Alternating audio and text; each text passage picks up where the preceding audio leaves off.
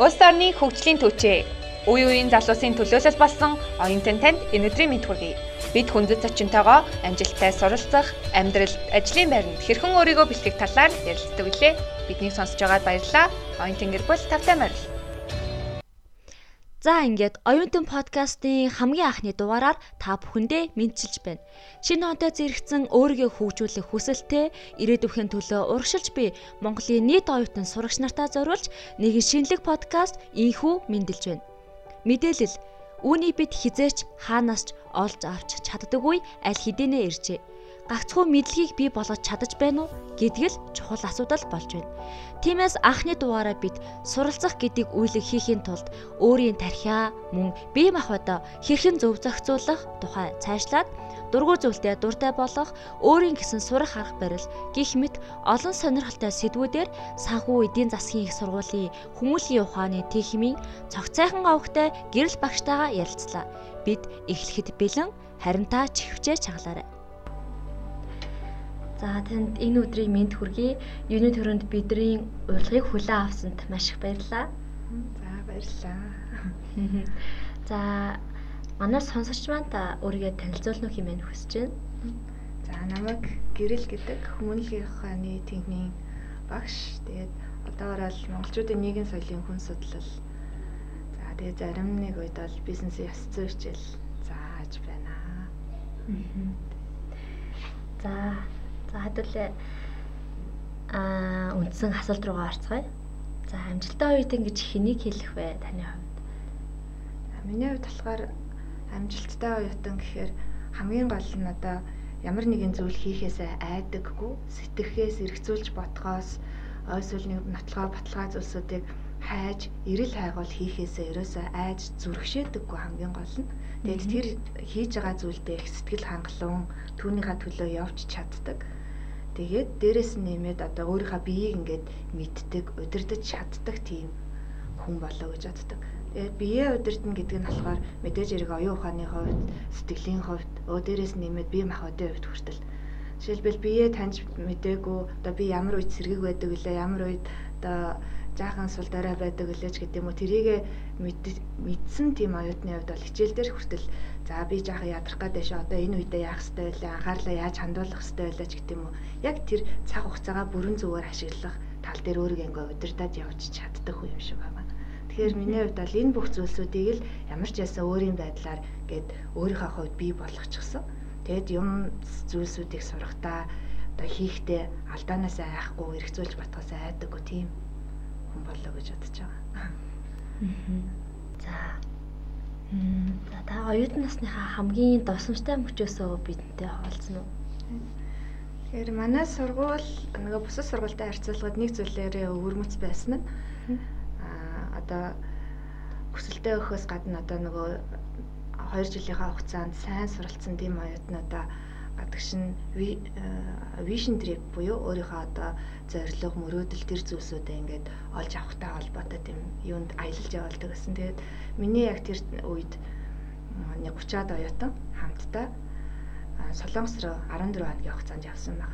Тэгээд тэгж явах хугацаанд бол бид нэр 6 Солонгосын 6 хатаар ороод за тэгээд таван судалгааны институтаар ялангуяа нөгөө өөрийнхөө мэрэгжил мэрэгчлэр таван төрлийн мэрэгжилтэн явсан хэрнээ таван төрлийн мэрэгжилтний тус бүрт нь өөрийнх нь мэрэгжилтэй холбоотой институтуудаар оруулаад мэрэгжилтэн хүмүүстэй уулзуулаад ажил мэрэгжилтээр гарахаар энэ хүмүүс чинь ийм зүйл хийдэг шүү гэдгийг харуулад а тэгээ үр дүнд нь хүрсэн байх юм бол тэрийг нь үзүүлээд юм бахархах сэтгэлийг нь төрүүлжсэн. Тэгээ дээрэс нь нэмээд 8 орчим их сургуулиудаар явсан Тэгээ нөгөө гой гой кампустай сургуулиудаар хотгонтой сургуулиудаар яваад тэгээд хүүхдүүдийг ингээд сурж байгаа, хичээлдээ орсон сууж байгаа, лекцээ сонсож байгаа энэ бүх зүйлсүүдийг энэ дээрээс нэм танхим суралцах орчин зүйлсүүдийг нь харуулахаас гадна Монгол оюутнууд яг тэндээ яаж суралцж байна, юу хийж байна гэдгийг нь бас одоо үзүүлээд тэгээд тэр хүмүүстэй байсан. Тэгэхээр яг энэ цаг хугацаанд нөгөө нэг би энэ жилүүдэд ийм зүйл сурсан юм байна, эцсийн үр дүнд ийм болох юм байна гэдгийг ингээд баримжаалаад харахаас гадна Солонгос улсын соёл, дээрэс нь Монголд байгаа одоо оюутнуудын хувьдах энэ хоорондын ялгаа зүйлсүүд их олж харсан л да. Гэхдээ яг гоо Солонгос Монгол мэдээж хэрэг өөр соёлтой өөр улс орнууд яг адилхан нөхцөл байдлыг бид нэр ерөөсөө хүсэж чадахгүй. Тийм учраас өөрийнхөө хэмжээнд оюутнууд ер нь юуны төлөө яаж суралцдığım байна, зорилгоо яаж тавьж чаддığım байна гэдгийг нь нөгөө олж хараад яг одоо би өөрөө ямар байж чадах юм бол би өөрийнхөө хэмжээгээр яаж хичээж чадах юм бол юу хийж чадах вэ гэдгийг л тодорхойлох хэрэгтэй юм байна гэдгийг олж харсан. Тэгээд өөрийнхөө мэрэгчлэр хамгийн гол нөгөө бахархаж сурна гэдэг бол нөгөө урд тавьсан нэг зүйлээ бүр ингээ харчиж чадчих байгаа байхгүй. Тийм учраас одоо ирснийхаа дараагаар би ийм зүйлүүдийг сурахтаа бүр энийг нь илүү их ойлгож сурах хэрэгтэй юм байна гэд ийм тодорхой зам нь бүр их юм дардан болчих чадсан гэж батсан. Тэгээд манай А болохоор намайг нөгөө оцсны дараагаар мэйлцсэн байсан байхгүй. Тэгээд энэ аялал бол хамгийн гол нь чи үзэж хар. Нүдэрээ харж чадах тэр зүйлсүүдээ хар. Чихээрээ сонсож чадах зүйлсүүдээ хар. Одоо сонс.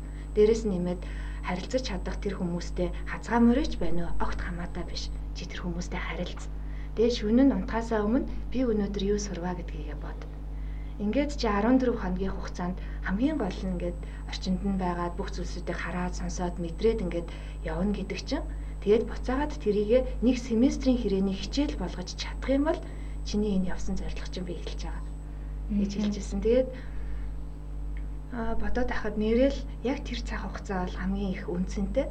Тэгээ дээрэс нь нэмээд одоо мэрэгчлэрээ бахархах тэр сэтгэлийг төрүүлсэн тийм цаг хугацаа. За та тэгэхээр солонгос соёлтой нэлээд хамт хичээл үзчихсэн гэсэн үг тийм. Мм яг одоо мэдээж энд бол Монгол оюуттай хамт суралж байсан баг. Тэгэхээр яг энэ солонгос оюутан Монгол оюутан хоёрын ер нь гол ялгаа нь яг юундаа байсан бэ? Солонгос оюутны хувьд болохоор яг суугаад сурчихсан. Ерөөсөө 24 цагийн юу байна? Номын сан байна. Эсвэл арай жаахан нөгөө магистр докторуудад эсвэл бакалаврын ч болно л доо. Аа цагтаа хаадаг тийм номын санч байна. Ерөөсөө ямар ч номын сан оюутнууд суугаад даалгавар хичээл зүйлсүүдээ хийгээд байж байдаг. Ой одоо солонгос оюутны хувьд болохоор энэ бол хэвээ үзэгдэл байнгын хийж явах хэвээр ингэж ижил би суралцсан гэдэг нэг юм одоо бодолтойгоор хийгээд явж байдаг. Үнэхээр мундаг оюутнуудтай би суралцсан тэрэндээ их баяртай байдаг. Тэгээ тэр оюутнуудаас ч гэсэн суралцах зүйлсүүд ихсэн. Зарим үед нөгөө Монгол гадаад оюутан гэдгээрээ нэг жаахан хавчигдах зүйлсүүд байна. Гэхдээ тэглээгээд би яах юм? Хамгийн гол нь миний зорилго чинь сурах юм чинь тэр зүйлс бол надад огт хамаатай биш байсан. Тийм учраас би багаар ажиллаж исэн. Хэлний бэрхшээл мэдээж хэрэг байгаа. Миний хувьд бол англи хэл хоёр дахь хэл. Тэгээд нөгөө оюутнууд маань ч гэсэн англи хэлээр надтай харилцсан. Солонгос хэлийг бол жаахан нөгөө хэрэглээний ярианы тэр тал дээр бол мэдээж хэрэглэж чадна. Гэхдээ шинжлэх ухааны тэр зүйлсүүдийг оюутнуудтай харилцаад багаар ажиллах үед бол би юугаар ярих хэрэгтэй болсон англи хэлээр. Тэгээд хоорондоо ярилцгаж жаахан хэлний бэрхшээл зүйлсүүд байгаа хэдиж тэрүүгээрээ би ичихгүйгээр завхгүйгээр ярьснараа бас өөрийгөө хөгжүүлж чадсан гэж үзчихсэн. Тэгээд солонгос оюутнууд нэг ийм талтай байсан бол монгол оюутнуудын хувьд болохоор бас соёлоосоо шалтгаалдаг бахал та. Зориод суугаад хийх юм бол монгол оюутнуудад угаасаа дутгаар зүйлс байхгүй. Тэгээд дээрэс нь нэмээд яг юм олон ажлуудыг зэрэг зэрэг амжуулж чаддаг юм шиг санагдсан. Миний бодлоор. Тийм. Харин солонгос оюутнууд бол маш хичээнгүйгээр суун суун суун сусаар л байна тийм ээ. Тэгэхээр энийг бол гэхдээ тэр хүмүүсийн хувьд дутагдaltaй бидний хувьд давуу гэж ойлгохоос илүү тэгэхээр соёлын ялгаатай байдал гэж би хүлээж авсан. За Нэрээ англи хэл гэж ярьсных би бас оюутнуудад сургамжтай байж магадгүй гэд нэг яриа. Ямаяуд орохдоо англи хэлээр шалгалт өгсөн. Миний англи хэл үнэхээр муу. Манай дунд сургуулийн нөгөө хамтдаа суралцчихсан сурагч нар ч гэсэн мэднэ. Манай найз нар ч гэсэн мэднэ. Миний англи хэл үнэхээр муу байсан. Би бараг одоо нөгөө ING-гээр их хөвчлэн л өгүүлбэрүүдээ хэлжтэй. Тэгээд хамгийн ойрын гэж хэлэгдэх англи үгсүүдийг мэддэг. Бусдаар бол нэг их сайн мэддэг байсан. Гэхдээ би математикийн гүнзгийрүүлсэн физик математикийн гүнзгийрүүлсэн сургалттай сургууль зурдаг байсан учраас математик англиар өгөхөд надад ямар ч асуудал байгаагүй. Дээрээс нэмээд би биологт үнэхээр дур сонирхолтой манай сургуулийн хандмаа гэд багш байдаг байсан. Үнэхээр нөгөө хүнийг хичээлд нь юм дурлуулж чадтал зааж чаддаг тийм хүн байсан учраас биологи хичээлд бол би үнэхээр дуртай юм хайртай байсан. Тийм болохоор англи хэл тийм сайн биш байсан хэрнээ англиар уншаад биологийн шалгалтын дээрээ сайн авч чадсан. Тэгээ би юунд орохдоо хоёрд нь ч гисэн байхгүй. конкурс өгдөг байсан шүү дээ тэр. Тэгээд цаашаага ярилцлаганд орсон. Тэгээ ярилцлаганд орсон чинь миний англи хэлмийн учраас би өөрийгөө бүрэн сайн илэрхийлж чадаагүй. Тэгээд уг нь ярилцлаган дээр сайн авсан бол би нэгт орохоор одоо нөгөө төлбөрийн хөнгөлөлт авах байсан юм байна гэдэгтээ их харамсаж байсан. Гэхдээ сургуульд ороод бүх хичээл анхнаасаа эхлээл бүгдээр англиар явсан. Хамгийн гол нь нөгөө хүн өөрөө дуртай сонирхолтой байсан байх юм бол дургүй байсан тэр англи хэлээ хүртэл сурч чаддсан юм байл. Ягаад гэвэл миний хүсэл мөрөөдөл нөгөө мэрэгжилдээ мэдлэгээ мэдэх, мэрэгчлийнхаа тэр мэдлэгийг мэдэх тэр мэрэгчлээ юм мэрэгших байсан учраас тэрний тулд англи хэлийг ашиглах бол надад үнэхээр зовлонгүй болсон. Тийм учраас ямар нэгэн юм зориг зүйлсүүдэд тавих юм бол юу ч байсан танд юм саад болж чаддаггүй гэдгийг олж харсан байна. Одоо бол англи хэлээс би өөрт нь үнэхээр айдаг байсан, зөрөгшөөдөг байсан. Одоо англи хэл надад тийм юу биш. Зүгээр л хэрэглээний хэрэглөөр зүйлс болсон. Гэхдээ бас өөр мэрэгжлийн чиглэлийн зүйлсүүдийг ярихад мэдээж ярих хүрэнтрэлтэй төвхтэй л да. Гэхдээ л ямар ч байсан болт юм байна гэдгийг олж мэдсэн. Таны хувьд оюутан насндаа алдчихсан тэгээ түүнээсээ сургамж авчихсан тэр зүйл чинь юу вэ? За оюутан наснд бол үнэхээр олон зүйл дээр маш их алдчихсан. Тэгээ тэрнээсээ суралцсан зүйлсүүд их байна л да. Хамгийн ихэнд санаанд ордог. Тэгээд нэрээ зарим үед одоо юмсуудыг орхиж чадах нь чухал юм байна гэдгийг ойлгосон нэг үе яадаг. Тэр нь болохоор 3 дугаар курстэй би Кайст, Солонгосын Кайст одоо монголоор бол шүтээс тийм тэр сургуульд нь очиж суралцж байсан л да. Ингээд суралцж байгаа үедээ нэг хичээлийг сонгосон. Профессор нь бол үнэхээр солонгостой алдартай профессор байсан. Тэгээд тэр хичээлийг сонгоод эхний 1-7 хоногийн хугацаанд нас эхлээл хичээж эхлэхгүй бол хичээлээсээ хоцорчдаг гэдгийг нь ойлгосон.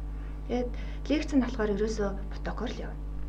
Хичнээн олон оюутан ингээд суулгачихсан бараг кино зал шиг тийм том танхимд нэг профессор ганцаараа лекц уншаад байж байдаг. Тэгээд тэр профессорын хичээлийнх нь нөгөө суралцдаг ном нь болохоор одоо цэвлийн намын хэрэг нөгөө цэвлийн талыг номоор нь харсан бол яг тийм том сурагч үздэг. Тэгээд нэг өдрийн хичээл дээр 2-оос 3 чаптер үзээд явчихдаг. Одоо бүлэг үзээд явчихдаг.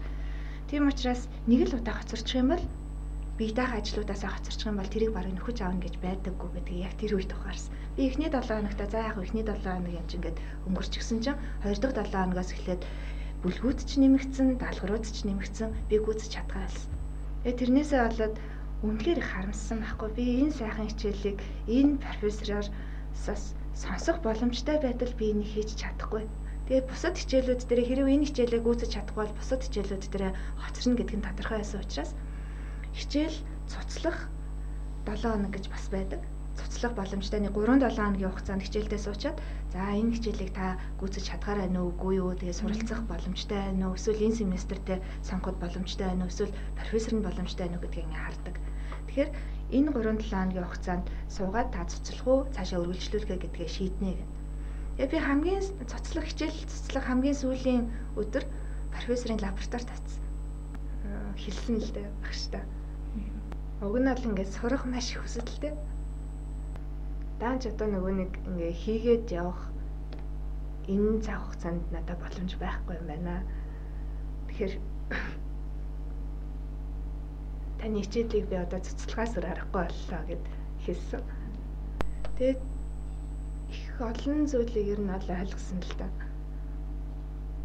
Мэдээж хэрэг би одоо нөгөө нэг тэр одлын хичээлүүдийг зэрэг аваад явах ялангуяа тэр хичээлийг аваад явах бол боломж байсан. Гэхдээ суралцахын тулд зарим нэгэн зүйлийг бас орхиж сурах хэрэгтэй байна. Игчнээ харамсалтай байсан ч гэсэн би профессороос уучлалт гуйгаад тэр профессород намайг хичээлд нь сууж исэн гэдгийг ч мэдэхгүй л дээ. Гэхдээ одоо орхиод тэгээд одоо нөгөө хэлж дуусаад уучлаа гойчаад лабораториос гарахад нэх гоё ингээд нар гарцсан байсныг бараг ингээ харсан Энийх гоё ингээд нарны гэрдэл тосчихсан. Би ингээд нэг юм чөлөөлөгдөж байгаа юм шиг их гоё санагдсан. Тэгээд харамсалтай байсан ч гэсэн одоо нөгөө хилээд дуссан би дараа нь хийх боломжтой юм гэдээ өөртөө нэг юм бодом боломж олгоснороо би бусад хичээлүүдэд илүү сайн ойлгоод тэгээд жинхэнэ хүрэх ёстой зорилготой буюу мэрэгчлэн хүнд ямар эрдэм мэдлэг чадвар байх ёстой гэдгийг яг тэр цаг хугацаанд илүү сайнаар илүү ихээр авч чадсан.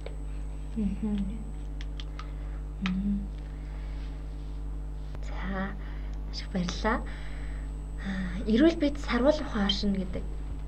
Оюутанд бидэнд мэдлэг чухал гэсэн эрүүл мэнд үн чухал. Тийм тэгэхээр таны зүгээс энэ тухайд хуваалцах өөрөнтэй дадал, зуршил, зөвлөгөө юу вэ? За одоо миний хувьд болохоор бас л нөгөө эмгтэй хүүхэд юм чинь бид нарт нэг юм бодол байгаа шүү дээ. Жахан туранхай байх ч гэдэг юм уу. Бага насндаа бол ингэж их боддог гэж. Тэгээ 10 жилдээ бол би өглөө ерөөсөө цай авдаггүй. Тэгээд гараад явцдаг байсан. Миний бас нэг жаахан дутагдaltaй тал нь одоо нэг юм хоцрох гэдэг их айцтай. Тийм учраас аливаа зүйлсүүдийг цаг хугацаанд нь хийх дээрээс нь нэмээд хичээлдээ цагтаа очино гэдэг бол миний хувьд хамгийн чухал зүйл байсан учраас өглөө 8 цагаас хичээл орж явахад би 7:30 гэхэд эсвэл 7:20 гэхэд сургууль дээр очиж суучдаг гэсэн. Ягаад гэвэл хацрах хамгийн аимшигтай тийм зүйл гэж үздэг байсан учраас. Тийм болохоор би өглөө цайгаа удаггүйсэн. Тэгээ сайхан өглөө босонгуудаа нүр амаа угаачаал тэгээ хувцас өмсө гараа авчдаг гэсэн. Тэгээд эцсийн үр дүнд хүний бие махбодод энэ муугаар нөлөөлдөг гэдгийг олж мэдсэн.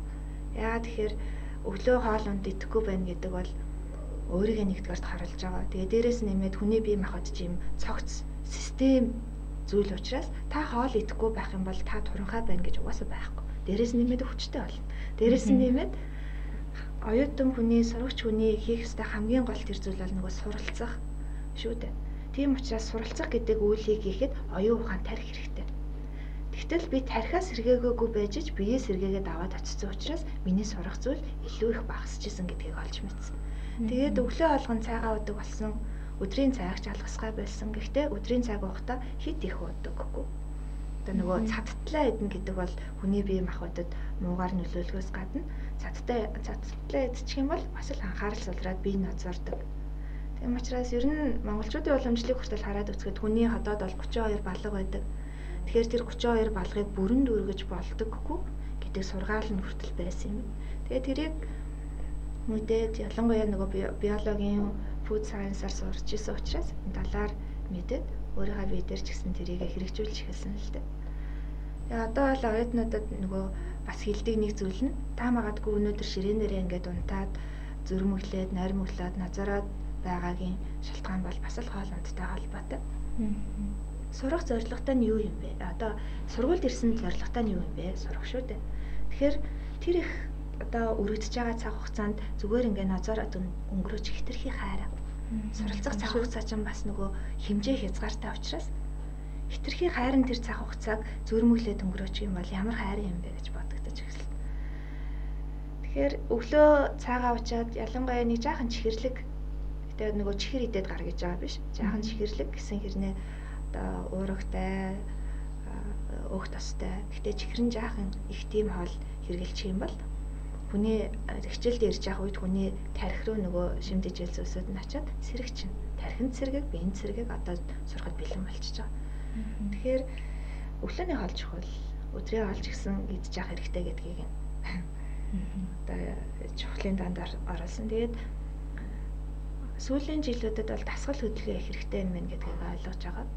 Монголчуудын хувьд нүүдлийн амьдралаас суурин амьдрал руу хурдан орсон учраас дасгал хөдөлгөөнтэй холбоотой суурин амьдралын хэмнэлтэй холбоотой хөвшил зүйлсүүд маань арай бүрэн төлөвшөж дуусаагүй байх шиг байгаа. Тийм учраас өнөөдрийн цаг хугацаанд одоо нөгөө хоолн дасгал хөдөлгөөн гэдэг зүйлийг их чухал болгож гаргаж ирж байгаа нэг сайшаалтай. Тэгээд хүн дасгал хөдөлгөөн хийхээр бие хаагаа ядаж удирдаад одоо өөрийгөө сэргээгээд те зөвхөн хоолноос ирч энерги авах биш дасгал хөдөлгөөнөөр ирч энерги авна. Дээрээс нэмээд хөвшин болсон тэр цаг үедээ гэж би их бодож эхэлсэн л дээ. Яагаад гэвэл одоо э, гэр бүлийнхаа хувьд их олон одоо хүнийг өдөж явуулчихсан учраас хөвшин болох тэр цаг үедээ би бас өөрөө өөрийгөө хайхраад юм авч явхад ерөөсөө л өдөр тутмын юм дасгал хөдөлгөөн өнөөдрөөс эхэлж хэрэгтэй юм байна. Хөвшин болсон тэр цаг үедээ би хичнээн дасгал хөдөлгөөн хийгээд биеэ буцаад эрүүл болгож чадахгүй эсвэл буцаагаад илүү нөгөө ирч хүчтэй болгож чадахгүй. Тэгэхээр би одооноос эхэлж тэр тал дээр анхаарах хэрэгтэй юм гэж бодсон. Тэр маш энгийн. Туранхай байх бол миний зорилго биш. Хамгийн гол нь эрүүл байх нь зорилго юм байна. Том болоод ойлгосон. Дээрээс нь нэмээд тэр эрүүл байхад зөвхөн хоол хүнс гэдэг зүйл нөлөөлдөггүй. Хүн бас дасгал хөдөлгөөн хэрэгтэй байдаг. Дээрээс нь нэмээд сэргийг оюун ухаа. Би энэ төдөөгач гэдэг юм уу? Одоо ялангуяа өндөр настай боловч оюун ухаан нь ингээ балартайгүй маш потенциал өндөртэй байгаа. Одоо өөр хүүхдүүдтэй сургаал намаа хайрлаж явж байгаа. Тэгээд барыг насан туршдаа суралцсан тэр хүмүүсийг үнэхээр биширдэг байхгүй. Тэгээд миний хамгийн их айцтай зүйл болохоор хөшин болсныхаа дараагаар ингээ оюун ухаан зүйлсүүд нь баларцчих юм бол тэгээд тэр үед би юу хийх юм болоо те. Зү 3 сарын зуны амралтаараа одоо нэг 2 3 хоног зүгээр суухад ингээд ядраад байт юм чинь би тэтгэврт гарчиход одоо яана юм хийхгүй болчихвол яана гэж их бодож айдаг байхгүй. Тэгээд бодоод исэн чинь оюун ухааныг ингэж байнгын дасгал хөдөлгөөн хийл гэж бас сургах. Одоо юм унших хамгийн гол нь эргцүүлж бодох. Тэгээд тэрийг зөв боно буруу байна хамгийн чухал биш. Хамгийн гол нь тэр олон зүйлсүүдийг сурч мэдэх. Тэгээд тэрийг өөрийн болгож архивлаж хурааж сурах их чухал юм байна. Тэгээ энэ гурван зүйлээрээ өөрийгөө одоо батал зөвшөөрөл болгож чадах юм бол эрүүл байх хэвээр.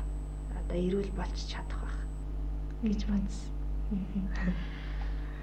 Таны заадаг монголчуудын нийгэм соёл хүнс нийгэм соёлын хүн судал хичээл дээр таас энэ хоолтын талаар ярьжсэн. Тэгээд яг тэр хичээлийг үжис дуусын дараа надаас яг энэ үг айгу тод үлдсэн байсан. Тэр нь юу вэ гэхээр аа сэтгэл цадаагүйч би ингээд цадсан байд юм аа гэж тэр надад нэлээд их нөлөө үзүүлж ирсэн. Тийм. Тэрийг бас оюутад маань сонсосоо гэж хүсэж байна. Тэрийг яагаад мэдэрсэн бэ гэхээр одоо би нөгөө их нэг жилийн дотор их том ахцал утсан л дээ.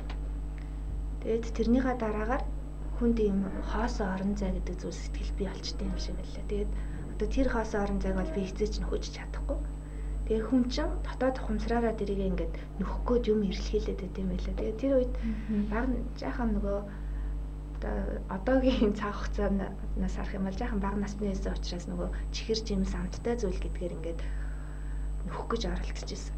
Маш их чихэр иддэг, маш их юм амттай зүйлсүүдийг иддэг. Ингээд юм идмээр санагдаад байна. Ингээл нэг юм дутаад байгаа нь мэдэгдээд.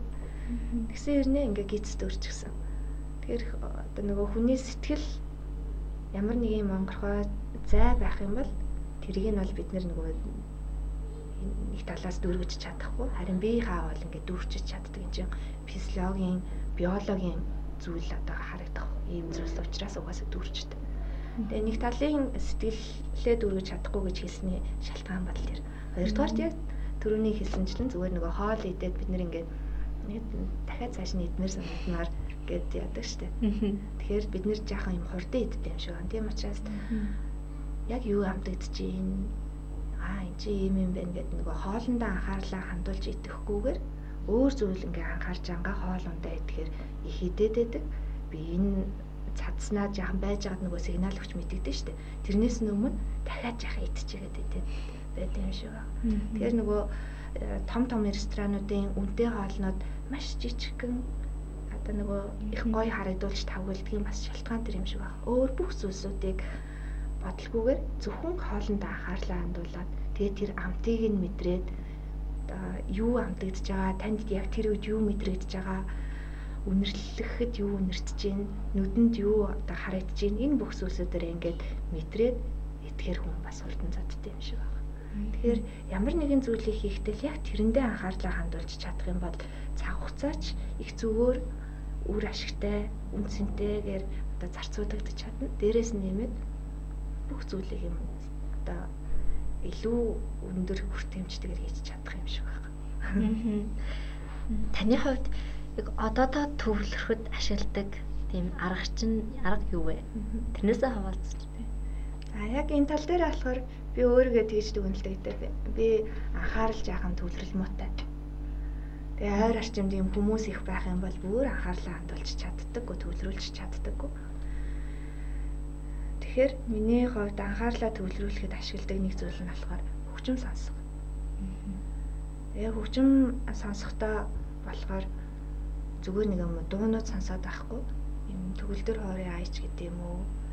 Тэгээд хамгийн их сонсдог зүйл нь болохоор зүгээр бороо орж байгаа чимээ.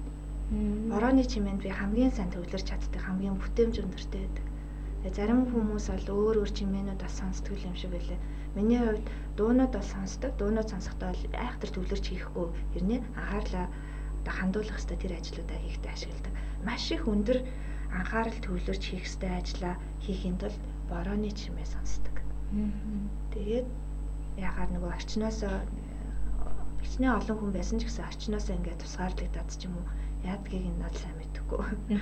Анхаарлаа их сайн хандуулаад яг ажил руугаа ингээд бүрэн анхаарлаа хандуулж чадаж идэг. Нэг тийм л арга байна да. За баярлалаа. За тэг энтэй холбоотой сурах арга барилтай барилтай холбоотой асуулт за ингэ сая дахиад эхэлье. Эхлэв. За яг дараагийн асуулт маань мөн сурах арга барилтай асуулт байна. Тэгэхээр хүн болгон өөрийн гэсэн сурах аргатай байдаг. Тэгвэл та өөрийн сурах арга барилаасаа бидэнтэй хаваалцсан уу?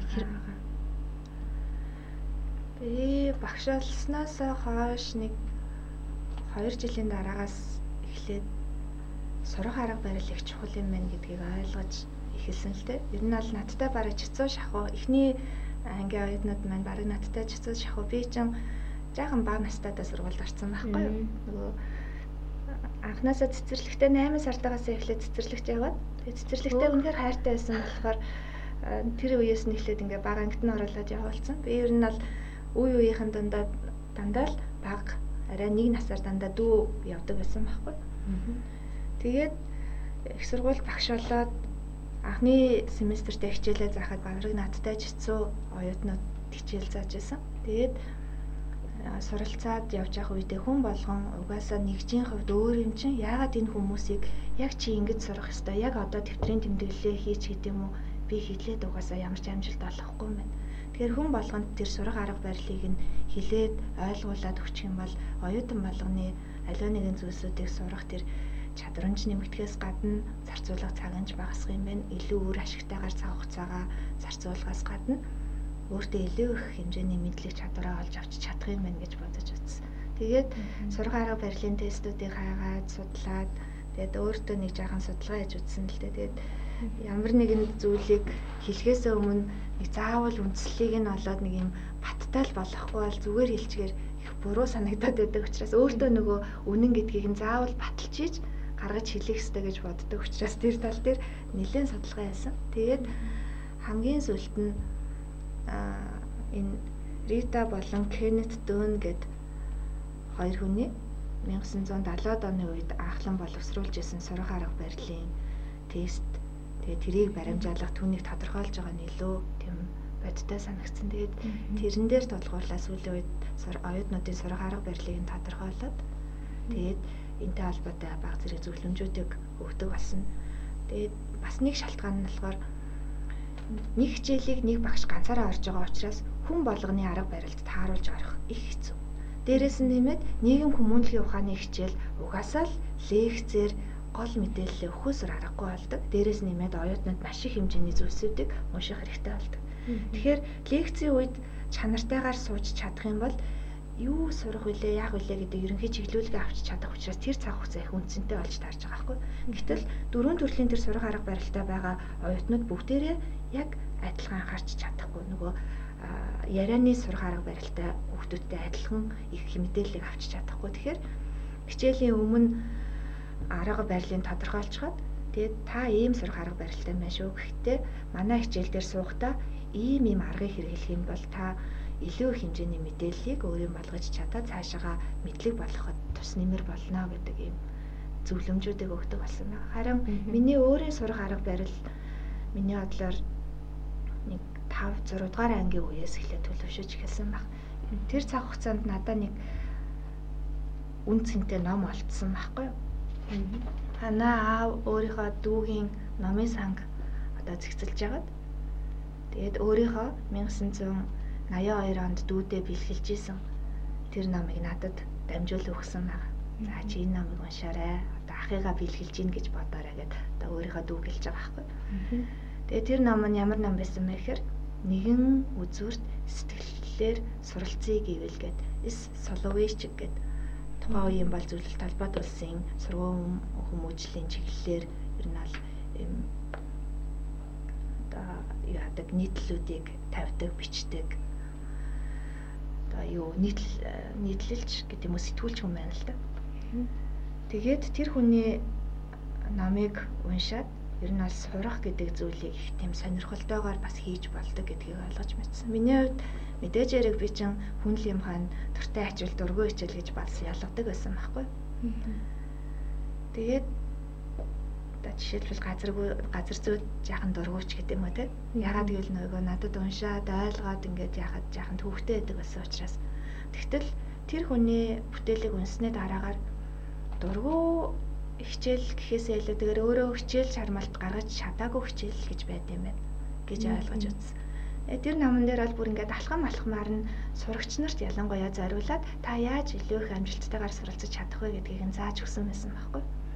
Анхаарлын талаар байсан хичээл сургуультай яаж анхаарах уу? Нэгэн үзүр сэтгэлээр гэдэг чинь ямар учиртай юм бэ гэхээр одоо аливаа нэгэн зүйлийг сурах гэж байгаа бол түүнийгээ сонирхолтой болгож одоо сур юм бол ямар ч зүйл танд ерөөсөө хүнд хэцүү санагдахгүй. Дээрээс нь нэмээд та илүү их хэмжээний зүйлийг өөрийн болгож авчиж чадна гэдэг ийм юу байсан. Тэгээ бүр тэн дээр одоо өдөр өдрөөр нь цаг хугацаагаа төлөвлөх, хичээлээ төлөвлөх, одоо анхаарлаа төвлөрүүл сурах, ном уншиж сурах тий.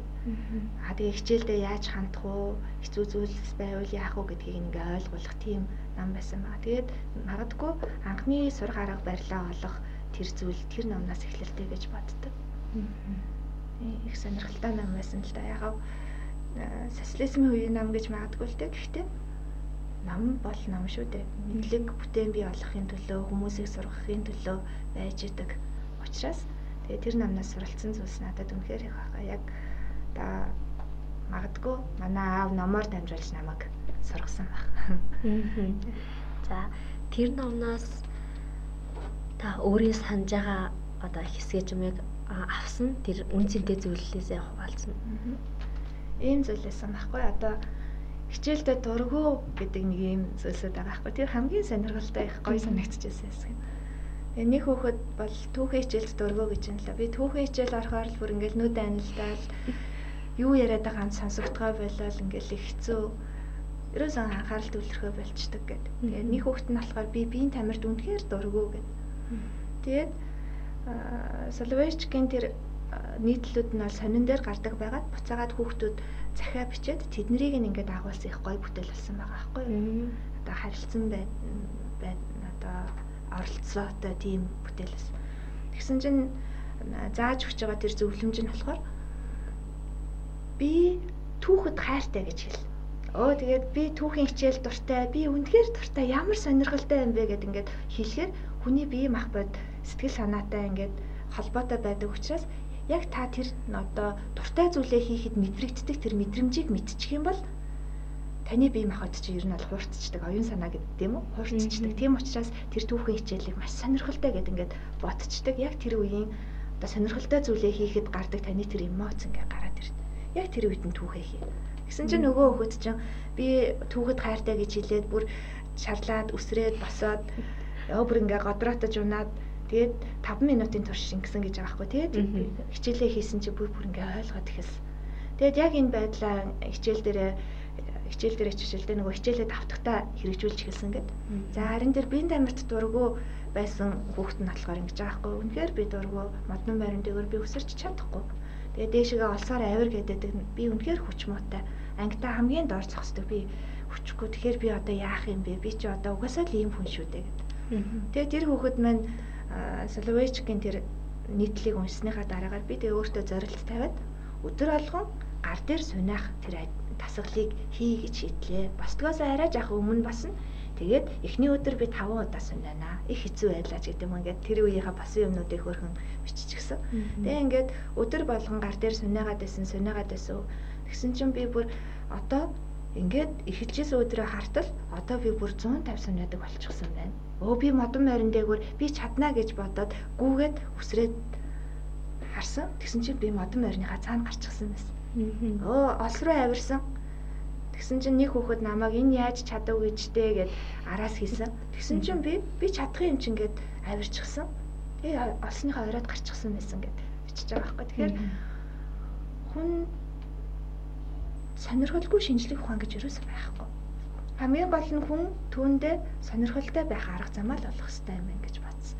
Тэгээ миний хувьд хичээл гэдэг зүйл их сонирхолтой зүйлсэд болж хувирсан л да. Тэгээд окторгийн геометр ороод эхэлсэн чинь жаахан ойлгоход хөвгтэйсэн байхгүй хавтгаан геометр ойлгоход жаахан хэцүү байсан учраас тэгээд окторгон геометрээ би ойлгохгүй байх юм бол манай чинь гүнзгий учраас 9 дугаар ангиас эхлээд окторгоогоо үзчихдэг. Тэгээд отооноос ойлгохгүй байх юм бол би 10 төгсөхдөө яах юм бэ гэж бодсон. Тэгэнгүүтээ өөрийнхөө бодож байгаагаар би чинь ийм сурах арга барилын хувьд одоо хүртгүйн дээрээс нэмээд ярианы бол биш.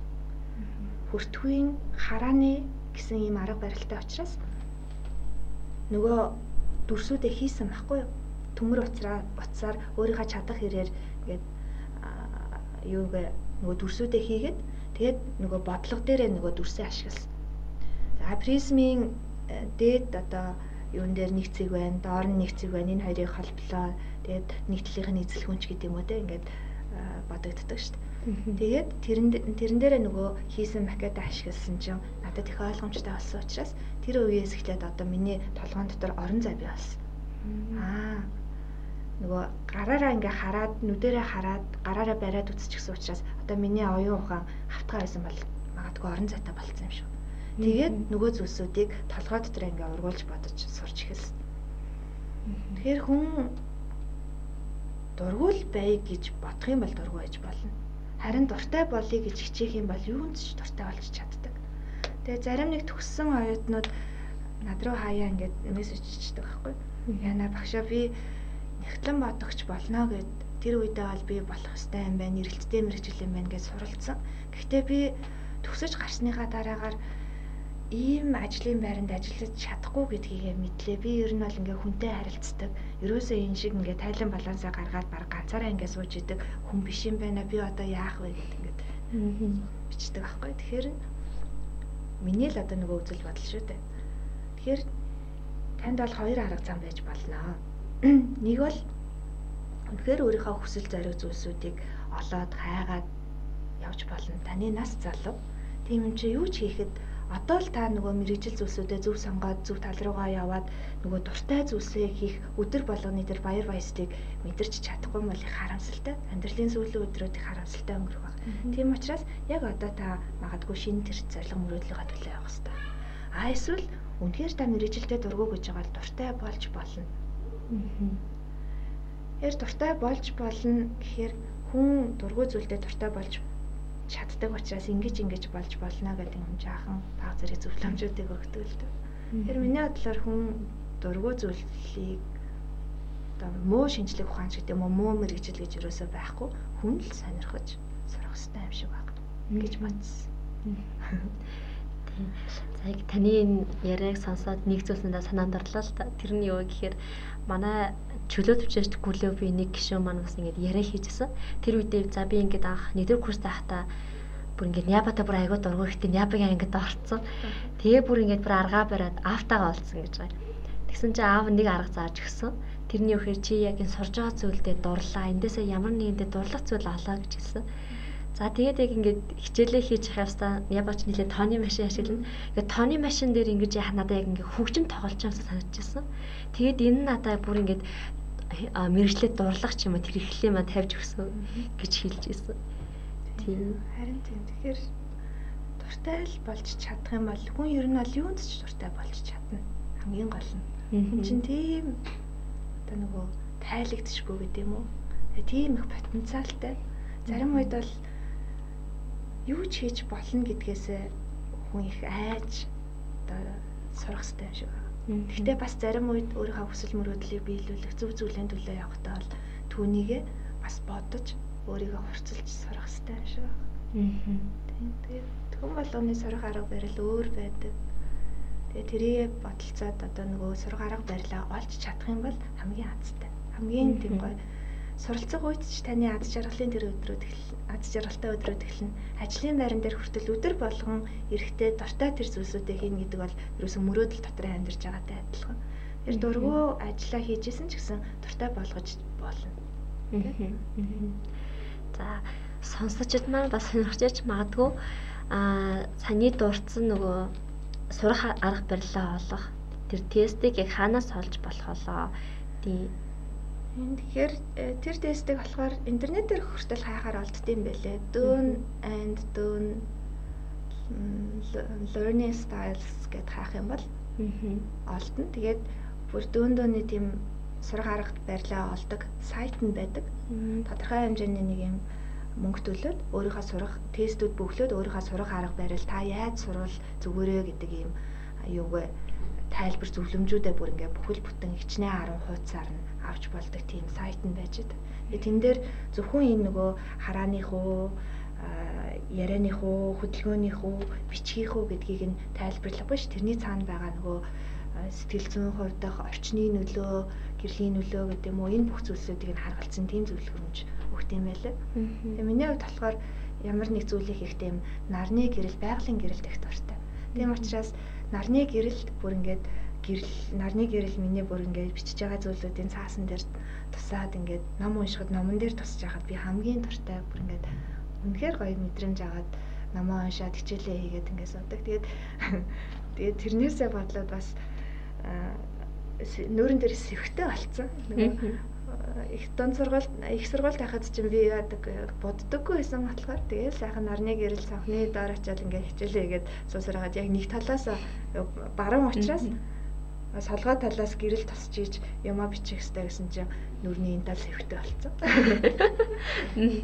Гэтэл надаа энд бол харамсаад байх зүйл байхгүй хамгийн гол нь би нэг сурахтаа тийм гоё ад жаргалтайгаар тэгээ тэрийгэ мэдхийн төлөө ингээд сурч исэн батгаар их гоё байсан. За, шгөөрлөө. За, оюутан хүн ёс зүйн ямар хэм хэмжээг баримтлах хэрэгтэй вэ? Та энэ тухайд юу гэж боддог вэ? Тэгэхээр нөгөө төрөнөөс хойш хэлж байгаачлан би хүн болгоныг дахин давтагдчихгүй өөр гэдэгтээ их санал нэгддэг. Тийм учраас хин нэгэн хүнийг нөгөө хүнтэй харьцуулах шиг, хин нэгэн хүнийг нөгөө хүнтэй адилхан байлгах шиг одоо эмгэнэттэй гэдэг юм уу? Тийм хэцүү зүйл байдаггүй аль аль хүнд нь. Тийм учраас хүний тэр онцгой талыг нь харуулж үзээд хүн болгон тодорхой хэмжээгээр хамгийн гол нөгөө ёс суртахуунлаг гэж хэлэгдэх боловч өөр өөрийн гэсэн тийм үндсийн цэцүүлэлтэйгээ холбогдсон ёс суртахууны хэм хэмжээг баримтлал илүү зүгээр яж магадгүй. Тэгэхээр эндээс нөгөө хүний үнэт зүйл гэдэг зүйл яригдчих байгаа юм л да. Хүн өөрийн гэсэн үнэт зүйлээ амьдралынхаа турш ингээд олж авсаар байгаа 40 магадгүй 50 нас хүрэхт нь үнэт зүйл нь бүрэн төлөвшөө тогтчихсон учраас тэр хүнийг өөрчлөхөд хэцүү байдаг. Харин дунд сургууль сурж байгаа, ахлах сургууль сурж байгаа, их сургууль сурж байгаа яг тэр цаг үедээ хүн нөгөө эрэл хайгуулаа хийгээд би их юу юм бэ гэдгийгэ хайгаад ирээд явж байгаа учраас энэ үедээ одоо үнэт зүйл нь бий болж төдөвшдөг юм шиг байна. Тэгэхээр хүн үнэт зүйлээ зөвөр олоод, зөвөр тодорхойлоод өөрийн одоо зүйл болгоод авчих юм бол таны ярьж байгаа, хэлж байгаа, хийж байгаа тэр бүх зүйлсүүд дандаа үнэт зүйлээс урган гарна таны хэлж байгаа үг хүртэл түүнээс урган гарна. Таны бүх зүйлүүд найзж байгаа, найзтайгаа харилцаж байгаа харилцаа, хичээлдээ хандах хандлага хүртэл таны үндэс зүйлээс ургаж гарч байна. Тийм учраас ёс суртахууны хэм хэмжээ баримтлахын хамгийн наан болохоор үндэс зүйл маань юу юм бэ гэдгийг бас олж эрэлхийлэх тэгээд тэрийгэ тайлбарлаж олох нь их чухал юм шиг байгаа. Гэхдээ мэдээж хэрэг хүн чинь аяндаа нийгмээсээ энэ нь зөв юм байна, тэр нь буруу юм байна гэсэн өөрийн юм цензур байж байгаа шүү дээ. Тэрнийхээ дагуу хим хэмжээ баримтлах хэрэгтэй. Миний хувьд яг өнөөдрийн цаг хугацаанд хараад үзэх юм бол шудраг байх л хамгийн чухал. Ялангуяа оюутан хүний хувьд баримтлах хамгийн чухал хим хэмжээ гэж бодож үздэг. Одоо нөгөө яс суртахууны үндсэн ойлголт нь болоод байгаа шүү дээ тийм ээ. Яг шудрагтай холбоотойгоор хийх тэр хим хэмжээнүүд их чухал лийн тавд орж байгаа гэж үзсэн. Дээрээс нь нэмээд нөгөө бусдыг хүндэтгэх, хүндлэх. Нөгөө тэгээд үннийг баримтлах хамгийн чухал байх гэж бодож байгаа. хамгийн ихэнд хэлсэнчлэн оюутан хүн бол нөгөө нийгмийн хамгийн оюунлаг давхраа учраас тэр оюунлаг давхраа өөрөө ясвартгүйгүй байх юм бол нийгэм маань ясвартгүйгүй болчихно шүү дээ. Тэгээд дээрэс нь энд бэлтгэгдэж гарч байгаа нөгөө оюутнууд маань ирээдүйд Монгол улсыг авч явна. Тэгэхээр ирээдүйд бэлтгэгдэж байгаа ирээдүйд Монгол улсыг авч явах 20-30 жилийн дараах Монгол улсыг одоо сургууль дээр их сургуулиудын энэ байгаа орчин нэг одоо дотоод орчин зүйлсүүдээс нь харах боломжтой байх гэж бодоод байгаа. Тийм учраас энэ цаг хугацаанд л хүний тэр нөгөө нэг үнэт зүйлийг нь зөвөр чиглүүлж өгөөд ясвартгууны хэм хэмжээний хувьд ийм нь зүйтэй шүү гэдгийг нь бас ухааруулж өгөх хэрэгтэй юм шиг байна. Тэгээ монголчуудын нөгөө уламжлалт сургах заа гаргацсан хувьд ярих юм бол үлгэрлэн дуурайх зарчмаар сургадаг учраас чи юм бэ чи тийм бэ гэдгийг шууд хилээд ахад оюутан бол нөгөө улиг болсон л гэдэг шиг ингээд сонсож хүлээж авах. Харин тэрний оронд өөрийн биеэр үлгэрлэж үзүүлэх нь илүү чухал гэж боддог. Тийм учраас одоо хичээлийн материал зүйлсүүдийг засахад ч хичээлээ заахад ч тэр би шудраг байх хэрэгтэй юм байна. Би өөрөө шудраг байж ч оюутнуудыг шудраг болгох хэрэгтэй. Оюутнууд миний бүх үйлдэлээс намайг хараад байж байгаа. Тэгээд манай сурганы багш тэгж хэлжсэн байхгүй та нар бол маш юм игцэгтэй гэдэг юм уу тийм одоо постн дээр ажилтдаг хүмүүс. Яагаад гэвэл та магадгүй хилээд мартцсан байж болно. Гэтэл таны оюутнууд тэр зүйлийг мартдаггүй байхгүй юу? Тийм учраас та үннийг баримталж явах хэрэгтэй. Дээрээс нэмээд хүнд зөв зүйлийг хэлж явах хэрэгтэй. Оо эсвэл одоо нөгөө зан арын шин зүйлсүүдэрээ зөв хандах хэрэгтэй. Яг тэр зүйлүүдийг оюутан насны тэр цаг хугацаа бол өөрийгөө нөгөө олж байгаа, танин барьж байгаа өөрийгөө өөрийнхөө үнэт зүйлийг эрэлхийлээ явж байгаа тэр цаг хугацаа учраас одоо таны тэр байгаа байдлааг л тусгалаа болгож авна. Тэгэхээр өөрөө зүг байх хэрэгтэй. Одоо бусад оюутнуудын хувьд ч гэсэн тийм үнэхээр та тэр ширээн дээр бохинаадлахыг хүсэхгүй байгаа бол наацсан байгаа тэр бохиг магадгүй аваад хайж байгааг нэг хүн хараг. Оо үнэхээр та хог хаяхыг хүсэхгүй байгаа бол нэг хайцсан байгаа хогийг аваад хогийн сав руу хий. Дээрээс нэмээд өөрийнхөө хогийг дандаа хогийн сав руу хай. Дээрээс нь нэмээд найзуудтайгаа хамт явж байгаа үедээ өө энэ хогийн сав байд би хогоо хаяа. Ийм байдлаар ухамсартай болоо ухамсаргүй байдлаар нөгөө хүмүүст бид нар нөлөөлнө гэсэн үг байхгүй. Биологийн хувьд болохоор яг эд эсүүд ингэж ажилладаг. Нэг эс яаж ажиллаж ийн өөрийнхөө ойр орчимд байгаа эсүүд рүүгээ сигнал байнга өгч идэг. Тэгэд нөгөө ойр орчимд байгаа эсүүд нь яг тэр сигналын дагуу ажилладаг. Хүний бие махбод бүр тайлбарлаж хитгэхэд хитрхи ухаантай ажилладаг. Тайлбарлаж хэлхийн аргагүй ухаантай ажилладаг. Тэгэхээр одоо нөгөө хоолны дэглэм гэж барьдаг шүү дээ. За би одоо шинэ жил болох гэж байгаа юм чи хоолны дэглэм барьнаа нэг 3 хоногийн дотор ядаж 2 кг турчий. 7 хоногийн дотор нэг 3 кг турчий. Тэгээд хоол ундаа хасаад маш багаар идэхээр угаасаа хэвийн үйл ажиллагаа явж исэн бие махбод чинь баг хоол хүнс ороод ирэхээр турах нь ойлгомжтой шүү дээ. Гэхдээ эд эсүүд юу гэж бодох вэ гэхээр яана миний бие махбод ингээд дутагдалд ороод байна. Хоол хүнс их багаар ирж байна. Тийм учраас би одоо аль болох нөөцлөх хэрэгтэй юм байна гэд ингээд дотоод ухамсартай бодно. Тэнгүүд дахиад за одоо турчсан гоё ялчихсан юм чи одоо хоолой хэвийн юм идья. Тэгэнгүүт бие махбод орж иж байгаа бүх зүйлсүүдийг хадгалж эхэлнэ. Нөгөө зохицуулганд орсон байгаа учраас тэгээд дахиад сайхан таргална өө магадгүй бүр 1-2 кг-аар ч илүү таргалж болно. Ягаад гэвэл хар өдөрт нөөцлөх гэж ярьдаг тийм ээ. Яг тэрнтэй адилхан. Ингиж нэг өсөж исэн юм чинь дараа ингэх юм бол би нөөцтэй байх хэрэгтэй гэх нөгөө эдисэд мань нөөцлөд эхэлж байгаа байхгүй. Тэгэхээр тэрнтэй адилхан хүн гэдэг маань өөрөө нийгмийн эдис байдаг учраас ойр хавийнхын дач нөлөөлж идэг. Дээрээс нэмээд өөртөө ч юм ухамсартай учраас өөрөөсөө та эхэл Тийм бол таны ойр орчимд байгаа хүмүүс яг тийм байдлаар ядчил хараад нэрэл гэ нэг удаа бодгол тэ ядаж нэг удаад бодог өөрөө хэрэгжүүлж чадахгүй ч гэсэн. Харин зарим хүмүүс нь л таны тэр зүйлийг харж байхдаа өө би энийг хийх ёстой юм байна гэдгийг ухамсарлана. Дээрээс нь нэмээд ямар ч оюутан байсан тэр оюутныг бас ингээд хардаг, үнэлдэг. Дээрээс нэмээд тэрийг бас даган дуурайхыг хичээдэг оюутнууд бас байж идэг байхгүй. Тэгэхээр тэр оюутнуудаа одоо тань мэддэхгүй байсан ч гэсэн тэр оюутнуудаа үлгэр жишээ бодлоод явж явах хэрэгтэй байна. Тэгээ хүний бие махбод чинь ганц эс ганцаараа байлаа гэдэг угсаа удаан ажиллаж чадахгүй амьдарч чадахгүй. Яг тэрнтэй адилхан би хувийн ачаагээд явах биш. Би нийгэмтэйгээ буюу бусад эд эсүүдтэйгээ бусад хүмүүстэйгээ хамтдаа хөгжих хэрэгтэй юм. Харин буруу санаатай нөгөө хавдрын эсвэл ганцаараа бие хаагаа хүлчиж чаддаг. Харин амьд зүгээр ажиллаж байгаа бол дандаа хамтдаа ажилладаг. Тэгэхээр энийг магадгүй бид нар бодох хэрэгтэй. Бид нар хамтдаа ажиллаж сурах хэрэгтэй байх тийм. За маш их баярлалаа. За ингээд аа сонсогчдоо энэ хүртэл бидний подкастыг сонсож аваад маш их баярлалаа. За дараагийн асуулт руу орцгоё. Хэрвээ танд Монголын бүх оюутны өмнө зогсоод илтгэх боломж олдвол та тэрхүү энэ дээр юу хэлэх вэ? Урд нь одоо яг нөгөө бакалаврынхаа сургууль бакалаврын мэрэгчлээ аваад сургуулаад өргөх үедээ манай сургуулиас яг дөрвөн мэрэгжлийн дөрвөн оюутныг сонгоод та нар сургуулийн төгсөлтийн арга хэмжээнд дээр одоо оюутнуудад үг хэлгээвэл юу хэлэх вэ гэдэг ингээд санал авчихсан. Тэгээд яг ангиудаасаа ерөнхийдөө нэг шилмэл гэж хэлэгдэж болох тэр хүмүүсийг сонгосон юм шиг байна. Тэгээд тэнд хэлэг өгөө өгсөйдэж данч минийх сонгогдоогүй. Тэгээд тэрэндээ их харамсаж явж исэн байхгүй.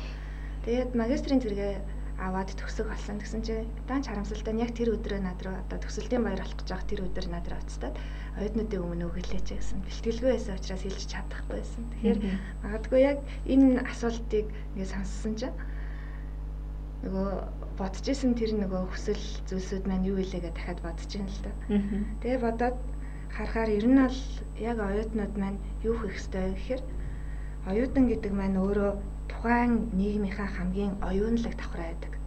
Ерөөсөө тэр нийгмийн хувьд хамгийн шинэлэг, хамгийн бүтээлч гэсэн хэрнээ хамгийн нөгөө айх зүйлгүйгээр хийж чаддаг тийм цаг хугацаа. Тэрнээс хойш болох юм бол нөгөө жаахан юу эрсдлээ бодоод ингэчүүл тэгэн тэгвэл ингэн гэдэг юм сэрэмжтэй болчдөг учраас магадгүй хийж чадах байсан тэр маш их шинэлэг зүйлсүүдээ гаргаж ирж чадхаа болж байгаа. Тийм учраас яг оюутан байх тэр цаг үедээ энэ бүх зүйлсүүдийг хийгээд алдаа доноод хамгийн гол нь алдаж үзнэ гэдэг чинь алдаанаасаа суралцах дээрээс нэмээд алдаж үзнэ гэдэг чинь өөрөө тэргээ биеэрээ мэдэрч үзэж байгаа байхгүй хүмүүсийн алдааг сонсоод байдаг. Гэхдээ хүн биеэрээ мэдэрсэн тэр үедээ л яг ухамсарлаж илүү сайн ойлгодог тийм учраас тэр хүн бол дахиж түүнийгээ хийхгүй тэгээд тэрэн дээрээ харин илүү их сайн суралцаад дараагийн алхмыг илүү зөвөр сайнаар шинэлгээр магадгүй хийж чадах. Тэгэхээр алдаж сурах одоо шинэлэг байх, бүтээлж байх нь хамгийн чухал. Дээрээс нэмээд ямар нэг зүйлийг хийл гэсэн бол хийсэн шиг хийх хэрэгтэй. Хоёрын хооронд хийн гэдэг их харамсалтай шүү дээ. Тэгээ би хичээлийн төгсгөлд оюутнуудтай нөгөө хэлэхтэй болохоор дандаа ингэж хэлдэг. Хүний бие махбодод одоо нөгөө хавдар бие болоод хүний бие махбодыг ингээд дуусгаж болтгоо. Гэхдээ тэр ихэлсэн цаг хугацаа хараад үзэх юм бол ганцхан эсээс л үүдэлтэй. Тэр эс болохоор гаднаас орж ирсэн ч эс биш. Таны өөрийн эс. Тэгээд тэр нь болохоор ингээд томрсоор агаад амьдралыг, хүний биеийг, тэр зорилгыг нь мөхөөгөөд дуусгадаг ийм зүйл болдог. Тэгэхээр хүн гэдэг маань өөрөө нийгэм доторх тэр эдистэй адилхан. Тэгэхээр тэр нэг эдис маш их хүч чадал байгаа. Тэгээ би хүний биеийн дотор байгаа тэр эдисүүд үнэхээр гайхалтай бүр үнэхээр оюун ухамсартай юм шиг ажилдаг. Яг тэрнтэй адилхан хүн бол тэр нийгмийнхаа эдис нь болоод явж байдаг. Тийм учраас нэг талаар буруу ажиллаж эхлэх юм бол улс орныг бүр мөхөөж чадах хүчтэй. Нэг талаар зөв ажиллаж чадах юм бол улс орноо уриалж чадах, бүр хөдөлгөж чадах, хөгжүүлж чадах юм хүчтэй байдаг. Тэгэхээр дотоод хүчиндээ бас итгэх хэрэгтэй. Гэхдээ тэр их дотор байгаа их хүчээ үнэхээр их хүч байгаа. Зөвхөр зарцуулж гаргах тэр эрдэмтэл оюутан байх хугацаанд сурах хэрэгтэй. Тэр тэрийг л хэлэх байсан баг. Ийхүү манай оюутан подкастын тэргуун дугаар өндөрлөж байна. Үн цэнтэй зөвлөгөө мэдээлэлээр дүүрэн тус дугаар маань тань таалагдсан гэдэгт итгэлтэй байна. Сонирхолтой хичээлдээ дуртай болж илүү их мэдлэгийг өөртөө хуримтлуулах, өглөөний хоолоо заавал идэх гэх мэт зочны маань хуваалцсан зөвлөгөө таныг амжилттай оюутан байхад тус болно гэдэгт найдаж байна. Эдгээр зөвлөгөөг заавал туршиж үзээрэй. Бидний яриа тань таалагдсан бол Оюутан Монгол подкаст Facebook хуудсанд лайктарч биднийг дагаарай мөн подкастыг маань түгээд шеэр хийн. Оюутан дүүдээ, хүүхдэдээ, найздаа санал болгоорой гэж та бүхнээс чин сэтгэлээсээ хүсэж байна. Хэрвээ танд ямар нэгэн бодол, сэтгэл төрсөн бол бидэнтэй мөн зочинтой маань хуваалцаарай. Зочны маань хийснээр таны дотор маш их хүч биш үү? потенциалаа дунаршгүй гэдгээ хүлээн зөвшөөрч өөрийгөө хурцлах, өглөөний хоолой заавал идэх эрх өдрүүдэд та сайхан өөрүүлээрэй. Ингээд эргээд оюутан подкастын 2 дахь дугаараар уулзцгаая.